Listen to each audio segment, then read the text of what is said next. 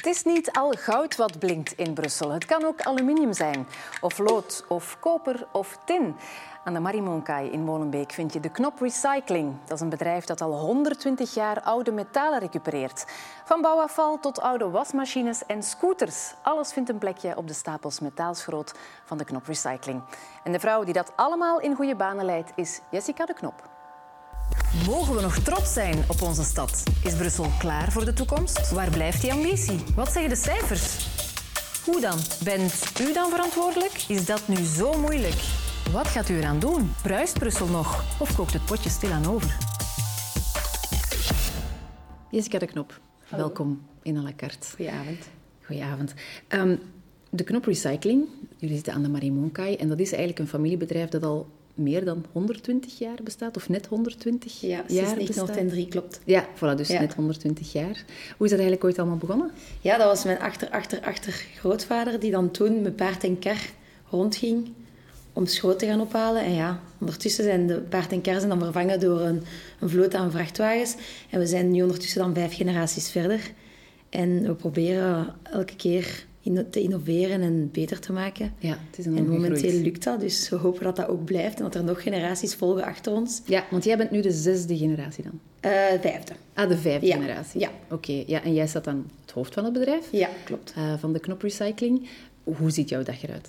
Ja, elke dag anders. Dat is ook het leuke aan, aan, ons, aan, aan onze job, aan ons bedrijf, is eigenlijk het feit...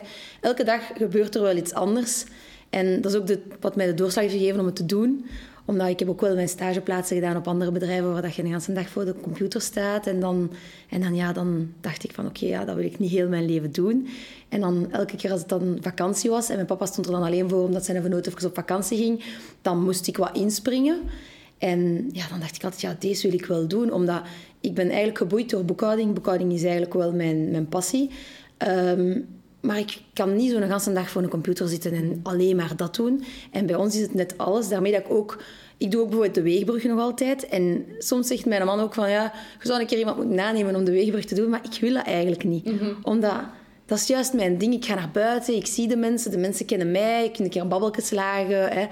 En terwijl de mensen zijn dan weg, up, je doet die boekhouding verder, dat is, dat is, dat is de max. Ik zou ja, echt contact niet met de mensen is ja, belangrijk voor jou. Want die ja. weegbrug, ja, misschien even uitleggen voor mensen die het niet voor ogen zien. Dat is eigenlijk waar dat je met een vrachtwagen oprijdt dan, vol schroot, en je moet daar nadien opnieuw oprijden, Ja. leeg dan. Dus eigenlijk, wij, of, wij hebben eigenlijk een, een brede waaier eigenlijk. Dus wij hebben eigenlijk eh, ongeveer een 160-tal containers in fabrieken steken. Dus eh, dat is, we hebben daarvoor drie vrachtwagens die dus de hele dag op de baan zijn om die containers om te ruilen.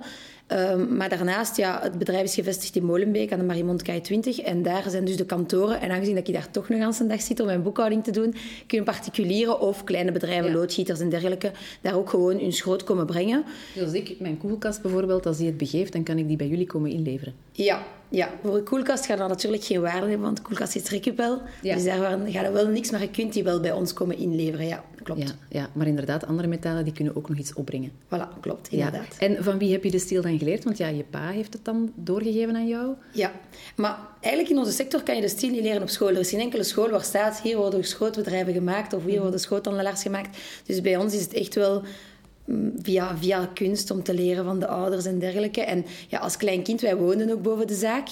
Eh, dus ja, als je door het raam keek, vanaf dat je wakker werd, dan zag je het schroot, zag je de mensen binnenkomen, zag ik mijn papa altijd op de werf. En ja, zo doenderwijze dan. Hè. Je wordt 16 jaar, je moet een vakantiejob doen. En dan ga je bij papa op, de, op het bureau gaan zitten. En dan deed ik al het kantoorwerk met mijn papa op de vakantiejob. Maar ja, mijn papa zei altijd, ja, je bent een meisje, je kunt wel niet op de werf gaan staan, want dat gaat niet. En ik dacht, ja, nee, maar zo leerde de stil niet. Want bij ons, je kunt het niet leren op kantoor. Je moet het leren op de werkvloer, je moet het leren op de werf. En ja, dan dacht ik van, ja, papa, dat gaat niet. Ik wil echt wel weten wat het is en ik wil de kwaliteit weten. En ja, hij legt dat dan wel uit, maar je moet dat echt al doen en leert Ja, want ja, de theorie wel ik leer elke dag nog bij. Want allee, je kunt zeggen, ja, er zijn verschillende schroottypes, dus er is allemaal diverse types. Maar die worden dan nog een keer verwerkt, verwerkt in andere apparaten. Waardoor dat je nog een keer een andere legering krijgt. En het is zo complex dat je elke dag nog bijleert. En dan ben ik eigenlijk, um, mijn, na mijn, dus ik ben mijn studies gedaan, dan ben ik drie jaar hogeschool gaan doen. En daar heb ik de laatste zes maanden een stage moeten doen. En dat ben ik gaan doen in een ander groot bedrijf, ah, ja. waar ik wel op de Bij werk de concurrentie mocht. eigenlijk. Ja, met een, waar ik eeuwig dankbaar voor ben. Want dat zou alleen maar in onze sector kunnen, denk ik, dat je bij de, bij de concurrentie je stage gaat doen. En daar was dat echt... Ik zei dat toen ook tegen mijn stagementor. Ik zei, ja, mijn papa wil niet dat ik op de werf ga, want dat is niet voor meisjes. En dan zei hij, oké, maar dat is goed. De werkschoenen heb je dan overal. Op de werf. En ik heb daar echt wel uh, alles staan sorteren met een overal. En ik heb daar enorm veel geleerd. En ik ben daar tot dag vandaag nog altijd enorm dankbaar voor. Ja, want je zei het ook hè, toen ik je uitnodigde. Dan zei je van, ja, ik ben eigenlijk niet zo happig op interviews en op televisie, et cetera. Maar ik ga het doen om een voorbeeld te stellen, omdat je inderdaad nog ja, vaak met vooroordelen te kampen krijgt van die sector is een mannensector. Ja, is een mannensector en is ook een, een, een, sector waar niet veel jeugd eigenlijk in zit. Het zijn meestal familiebedrijven, maar het is ook een sector, eerlijk gezegd, waar dat de familie lang in de zaak blijft. Waardoor dat het ook een vergrijzde generatie soms is. En dat de jeugd niet echt op het voortouw komt. Uh, dat heb ik wel heel hard gemerkt. En ik vind dat het belangrijk is dat de jeugd ook naar buiten komt. Want wij zijn ook de volgende generatie. En het stopt niet naar, na de vergrijzing. Het stopt... Het gaat altijd verder. En het is, het, is de hoop dat iedereen het blijft verder doen. Zoals dat ik het ook momenteel doe. Ik heb natuurlijk ook wel het ongeluk gehad die mijn geluk misschien is geweest. Ik, ben als, uh, ja, ik heb dan mijn hogeschool gedaan, drie jaar. En ik dacht, oké, ik kom van school, chill. Ik ga hier nog even relaxen, een beetje op de derde bureau zitten en een beetje kijken dat eraan toe gaat. En ik denk, als ik me goed herinner, was ik zes maanden op bedrijf. En ik kende eigenlijk nog niet veel. Ik had wel mijn stage gedaan, maar meer. Ik mocht zo een beetje het klassement doen en een beetje de facturen. En daar bleef het dan ook bij. En toen uh, moest mijn Peter, die toen eigenlijk uh, al het kantoordeel uh, van het bedrijf deed, want papa die doet eigenlijk altijd de werf gedaan en mijn Peter eigenlijk altijd het kantoor. Die moest op een routineafspraak voor zijn hart. En uh, die belt en die zegt, ja, ik heb een probleem. Hè. Die moest eigenlijk de week daarop ook vertrekken op vakantie. En die zegt, uh, ze hebben mij gezegd dat ik uh, meteen geopereerd moet worden, want ik moet een overbrugging zetten. En dan dacht ik, oké, okay, ja, ja, dus noodgedwongen dan moet ik wel vanaf morgen alles alleen doen, want hij valt weg. En hij had mij wel geleerd, maar ik had het nooit echt gedaan. Dus dan heb ik dat beginnen doen. En mijn papa die was er dan wel, maar qua kantoor kon, was die niet 100% op de hoogte wat er moest gebeuren. Dus moest ik er maar zelf een beetje mijn logica in vinden. En dan twee maanden later moest mijn papa op controle en die had exact hetzelfde verdikt. En dus ik was er dan als 24-jarige, Ja. helemaal alleen, in een wereld die eigenlijk een mannenwereld was. En ik weet nog hoe, ik, toen ik de telefoon ook opnam, dan elke keer als ik de telefoon opnam, dan zei ik dan etablissement de knop, want dat zeggen we dan altijd. En dan zeiden ze altijd, zijn de bazen er niet? Of Ja. is Maurice er niet? Of is Ja, Robert er ik had niet? letterlijk die vraag opgeschreven van, En krijg dan- je die voilà. vraag van, mag ik de baas spreken? Dat gebeurt dus wel. Voilà, inderdaad. En dan, en dan dacht ik, ja, maar ja, die zijn er niet. Dus Ja, ja, ik ben en niet de baas, ja. Maar ik wil echt wel met hun spreken. En ja, dan heb ik wel soms wel dat ik wel merkte als ik dan zei van ik ben Jessica de knop van de knoprecycling, dat helpte wel. Ja, want het blijft maar wel in de bleef familie. nog altijd, voilà, ik heb echt wel mij moeten bewijzen en, en ook naar klanten toe of, of, of naar leveranciers toe. Dat, dat, dat, Ja. Dan Omdat ik ook dat zo jong ook ben, kan, hè, ja, over, voilà. ja, oude metalen. Ja, en jong en vrouw, dat was Voilà. eigenlijk twee keer een nadeel. Ja, dat was twee keer. En ik vind het ook belangrijk dat... Ja, in, onze, in onze wereld zijn ook niet echt heel veel vrouwen, heel veel mannen. Omdat het, het wordt ook afgeschilderd als een mannenwereld eigenlijk. Mhm. hè. Recyclage, ijs, kranen en schroot en alles wat erbij komt kijken. Ja, eigenlijk al van jongs af aan, hè, zelfs in de speelgoedwinkel, Voilà. worden jongens richting de kranen Voilà. geleid en meisjes eigenlijk niet. Ze zeggen dat ook. Hè. Allee, zelf bij mij dan in- in mijn entourage, als dan zeggen ja, je zoon zal waarschijnlijk later in de firma komen. Dat weten we niet. We zien Misschien wel. zal mijn dochter op de kraan zitten en zal mijn zoon op het kantoor zitten. Dat kan even goed zijn. Misschien komt er niemand in de zaak. Allee, dat weten we allemaal nog niet. En ja, wij zijn ook een gezin van, van... Ik heb nog twee andere zussen en ik ben de jongste. Dus ik ben dan de laatste schakel die het dan heeft gedaan. En ja, ik denk dan ook altijd, want wij hadden eigenlijk een broertje en die is helaas overleden. En ik denk dan ook altijd, als het mijn broertje was geweest, dan had ik ook geen kans gehad om het Ja. te doen. Omdat ik weet, ja, mijn papa had dan sowieso mijn broertje in de zaak Moest gezet. ja, dat is logisch, denk ik, als papa dat je dat dan doet. En dan ben ik wel blij Ja. dat hij mij toch die kans geeft. Mijn papa is ook... eh, Je bent pionier eigenlijk wel, hè? Ja. Ja, maar hoe gaat dat dan in zijn werk? Want bijvoorbeeld, ja, daar komt dan een vrachtwagen aan vanuit een bedrijf of, of, of een particulier die Ja. met oud metaal afkomt. Wat zit daar dan in en wat gebeurt daarmee? Ja, daar kan van alles in zitten. Dus de eerste is een... Uh, dus als die aankomt, dan doen we eerst een, een voorsortering via het oog. Kijken we een beetje wat erin zit. We vragen ook meestal aan particulieren om voor te sorteren. Want het, als het allemaal gemengd toekomt, dan kunnen wij niet alle aparte prijzen geven. Want dan zetten wij daar veel te veel tijd aan om dat te doen. Dus we vragen ook de simpele... Je kan dat al doen met heel simpele testen. Bijvoorbeeld gewoon alles wat plakt aan de magneet, zet dat al apart. Dat is alleen maar ijzer. En dan alles wat bijvoorbeeld een, een, een een douchekraan is of zo, zit dat ook apart. Dan weet je dat dat missing is en dan kan je dat apart ook aanleveren. Dus dan gebeurt er een voorsortering en dan wordt elke kwaliteit eigenlijk apart afgewogen. En dan gaat het dus uh, terug van particulier, dan wordt het met zijn pas afgerekend. Tot 500 euro kunnen wij cash uitbetalen, daarna wordt het automatisch op de rekening gestort. En alles wat voor bedrijven is, wordt automatisch op de rekening gestort. Ja. Uh, dat is dan eigenlijk voor iedereen dat bij ons komt leveren. En voor de containers in de fabrieken die wij bestaan, ja, daar gebeurt het dan gewoon na de weegbom, wordt dan opgestuurd. Ja, en dan, ja. Ja, ja. Maar ja, um, hoeveel schroot wordt daar dan zo verwerkt per dag, per maand? Wij, doen, wij zijn eigenlijk redelijk klein. Uh, ook onze locatie beperkt ons een beetje in de kleinheid. Maar de locatie is dan ook weer onze troef naar andere dingen toe. Dus je moet ergens een keuze maken. Uh, maar wij zitten momenteel op ongeveer 250 ton per maand. Dat wij aan puur ijzer... Dat is toch een gigantische berg aan metaal, hè? Ja, voor een grootbedrijf is dat heel klein. Ja. Maar voor een, een normale een, leek. Ik denk van, dat is een gigantische berg, denk ik dan. Wij zijn zo een klein bedrijfje, maar wij proberen ons eigenlijk te onderscheiden met de service. We proberen een enorme service te bieden aan onze klanten. En we zien dat dat momenteel aanslaat. En hopelijk blijft dat ook. Ja. Eh, en moet je dan ook rekening houden met mogelijke diefstal of zo? Want je hebt bijvoorbeeld koper, dat is wel iets waard. Ja. Hè, de, die prijzen fluctueren ook wel, denk ik. Maar ehm, ja, moet je daar dan extra maatregelen voor, voor nemen? Ja, helaas wel. Ja. Helaas of omgekeerd, misschien, ja, soms wordt er ook koper gestolen bij de NMBS. Ja, bij Infrabel. inderdaad. Daardoor zijn ook de wetgeving gekomen dat kabels niet meer cash mogen betaald worden. Mhm. Uiteindelijk is dat ook weer zoiets. Door diefstal moeten wij het moeilijker, hebben wij het moeilijker, want dat is extra werk voor ons natuurlijk allemaal.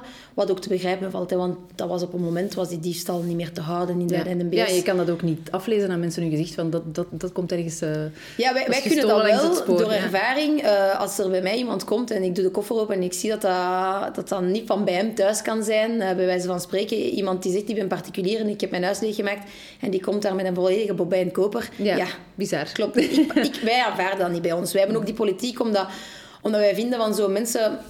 Dat hoort niet thuis op onze werf. Wij zijn ook een familiebedrijf en uh, wij proberen het uh, via de regeltjes van de wet te, doen. En, uh, en ook gewoon voor onze eigen veiligheid. Want ja, dat is ook weer al zoiets. Een vrouw zijn in onze wereld heeft soms zijn voordelen, want soms zijn ze enorm sympathiek en heel vriendelijk, maar soms uh, krijg ik daardoor ook hele stoute verwijten naar mijn hoofd geslingerd. Wat krijg je dan naar je hoofd geslingerd? Ja, ik weet niet wat ik dat zo mag zeggen op tv Tuurlijk. of zo, maar ik heb er wel sommige dat dan in het Frans zeggen, salput en zo. Mm. Hè. Maar ik kan daar redelijk Omdat ze zogezegd geen faire prijs krijgen? Of ja, voilà. Of, of dat ze vinden... Dat, dat, als ik bijvoorbeeld zeg van... Luister, ik koop het niet, want het is gestolen en hier komt het niet binnen. Hè. Of ik vraag hun pas en ze zeggen dat ze geen pas hebben. Ja, dan... Ja, iedereen heeft een pas. Dus dan zeg ik, ja, maar dan, dan kan ik het u niet kopen. Dat is de wet. De wet in België zegt dat je een pas moet hebben. Ja, dan kunnen ze soms een beetje agressief worden. En uh, ja. dan moet je... Maar ja, ik bij mij komt dat langs de uur in, langs de andere ook buiten. In het begin ging je misschien dat aantrekken, maar nu uh, doet dat mij niks niet meer. Nee, je moet er eh, wel een beetje haar voor op je tanden hebben. Voilà, ja. Zeg, en ja, mensen denken wel eens dat jullie slapend rijk worden. Want bijvoorbeeld koper is veel waard, of metaal in het algemeen. Uh, maar dat klopt blijkbaar niet. Nee, inderdaad. dat is zo een metafoor dat gezegd wordt. En dat in de schroot mensen ons uh, blauw doet lachen. Mhm. Want ehm, ja, iedereen zegt dat omdat, jullie, omdat altijd als de prijzen hoog zijn, dan wordt dat in de pers breed uitgesmeerd en schrootprijzen. Of als je dan zo kijkt naar telenoveles en dan zeggen ze de koperprijs is dan 7 euro. En dan denken wij, maar dat is niet zo. Dus, en dan komen de mensen effectief bij ons en zeggen ze, ja, ik heb gezien op familie, het was 7 euro. Maar dat klopt niet. Dus dan, dan, dan moeten wij die mensen dan teleurstellen en dan zijn wij zogezegd de slechte daardoor. Maar dat is niet zo. Wij, wij zijn heel beursgerelateerd en het gaat veel verder dan de beurs. Onze prijzen zijn afhankelijk van de schrootprijzen, maar zijn ook nog een keer afhankelijk van de dollar, dollarprijzen en van de economie. Dus ja, wij worden niet slapend rijk. Oké, als het een beetje omhoog gaat, dan kunnen wij misschien een beetje onze stok verkopen en wat reserves opbouwen. Maar als het omgekeerd gaat en de prijzen gaan kelderen met 200 euro de ton, dan gaat er niemand horen zeggen in de pers, maar wij zijn er wel nog en wij moeten die ook incasseren, die, die prijzen. Het is dus, gewoon met voilà, Het is enkel alleen naar de glorie dat altijd wordt uitgestreken in de pers en de mindere tijden worden nooit gemeld. En ja, dan worden wij natuurlijk uitgesmeerd als de slapend rijken, omdat ze alleen maar de positieve kant zien van de schootsector, maar niet de negatieve. Bij deze is dat rechtgezet. Voilà, inderdaad. maar ehm, ja, hoe zit dat dan bijvoorbeeld met de wetgeving? Want er komen bedrijven vanuit Vlaanderen uh, schroot naar jullie brengen, vanuit uh, Brussel zelf. Hoe zit dat met verschillende wetgevingen? Ja, dat is, dat, is, dat is eigenlijk een probleem vandaag. Omdat er zijn drie... We zijn eigenlijk een land met, met, met drie re regis. Wallonië, Vlaanderen en Brussel.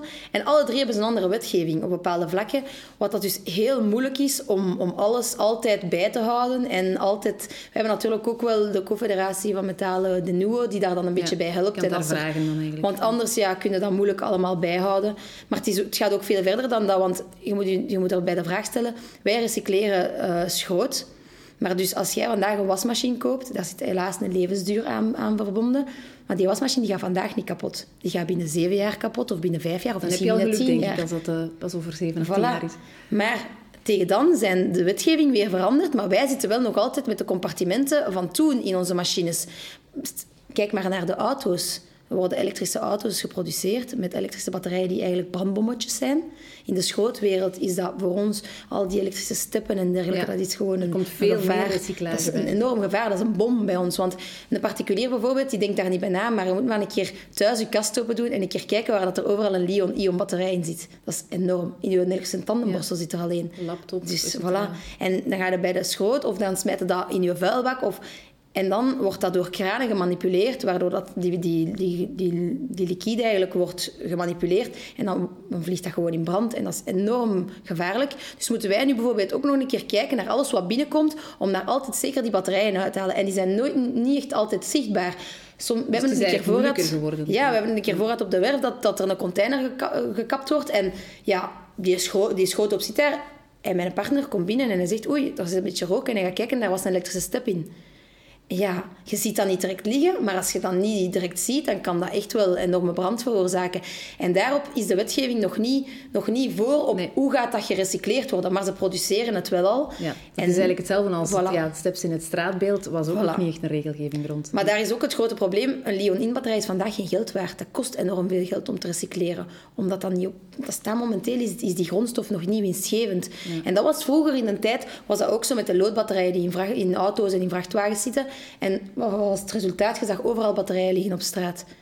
En vandaag gaat dat het resultaat zijn. dumpen, ja. Voilà. Ja. Vandaag is dat resultaat met die steppen. Je ziet dat overal. Je ziet overal van alle elektronisch afval links en rechts liggen omdat de mensen er geen waarde voor krijgen. Ja. Moest er morgen een waarde komen op die batterijen, dan gaat er niemand in Is dat een beetje liggen, zoals het verhaal van bijvoorbeeld ja, ehm, statiegeld op bijvoorbeeld bl- blikjes en plastic flesjes? Want daar wordt ook heel veel over gediscussieerd. Ja. Veel mensen zeggen, ja, het is vreemd dat dat er nog niet is.